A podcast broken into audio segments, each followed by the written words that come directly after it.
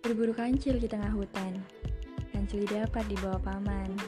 Salam kenal wahai teman-teman. Assalamualaikum saya ucapkan. Mbak kata pepatah, tak kenal maka tak sayang.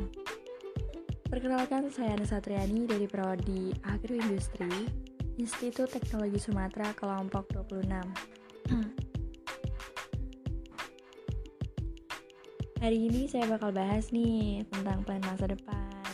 Tentunya setiap orang punya planningnya masing-masing ya guys. Nah, bicara soal masa depan, pasti tidak akan ada habisnya. So, seiring berjalannya waktu, rencana masa depan sering banget digonta-ganti. Sebagai manusia yang senantiasa berusaha, kita berharap yang terbaik untuk hidup kita dan orang-orang di sekitar kita.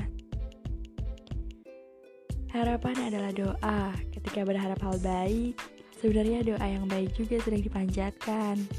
Begitu pula sebaliknya.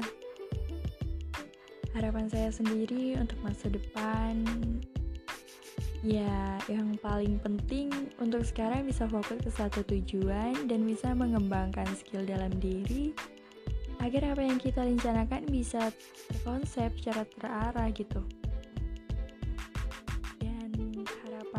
Ke depannya bisa lulus kuliah tepat waktu tentunya. Jika ada harapan di masa depan, secara harfiah ada kekuatan di masa sekarang. Begitulah kiranya. Zig Ziglar berkata. So, yeah, maybe that's all. See you in the next episode. Bye bye.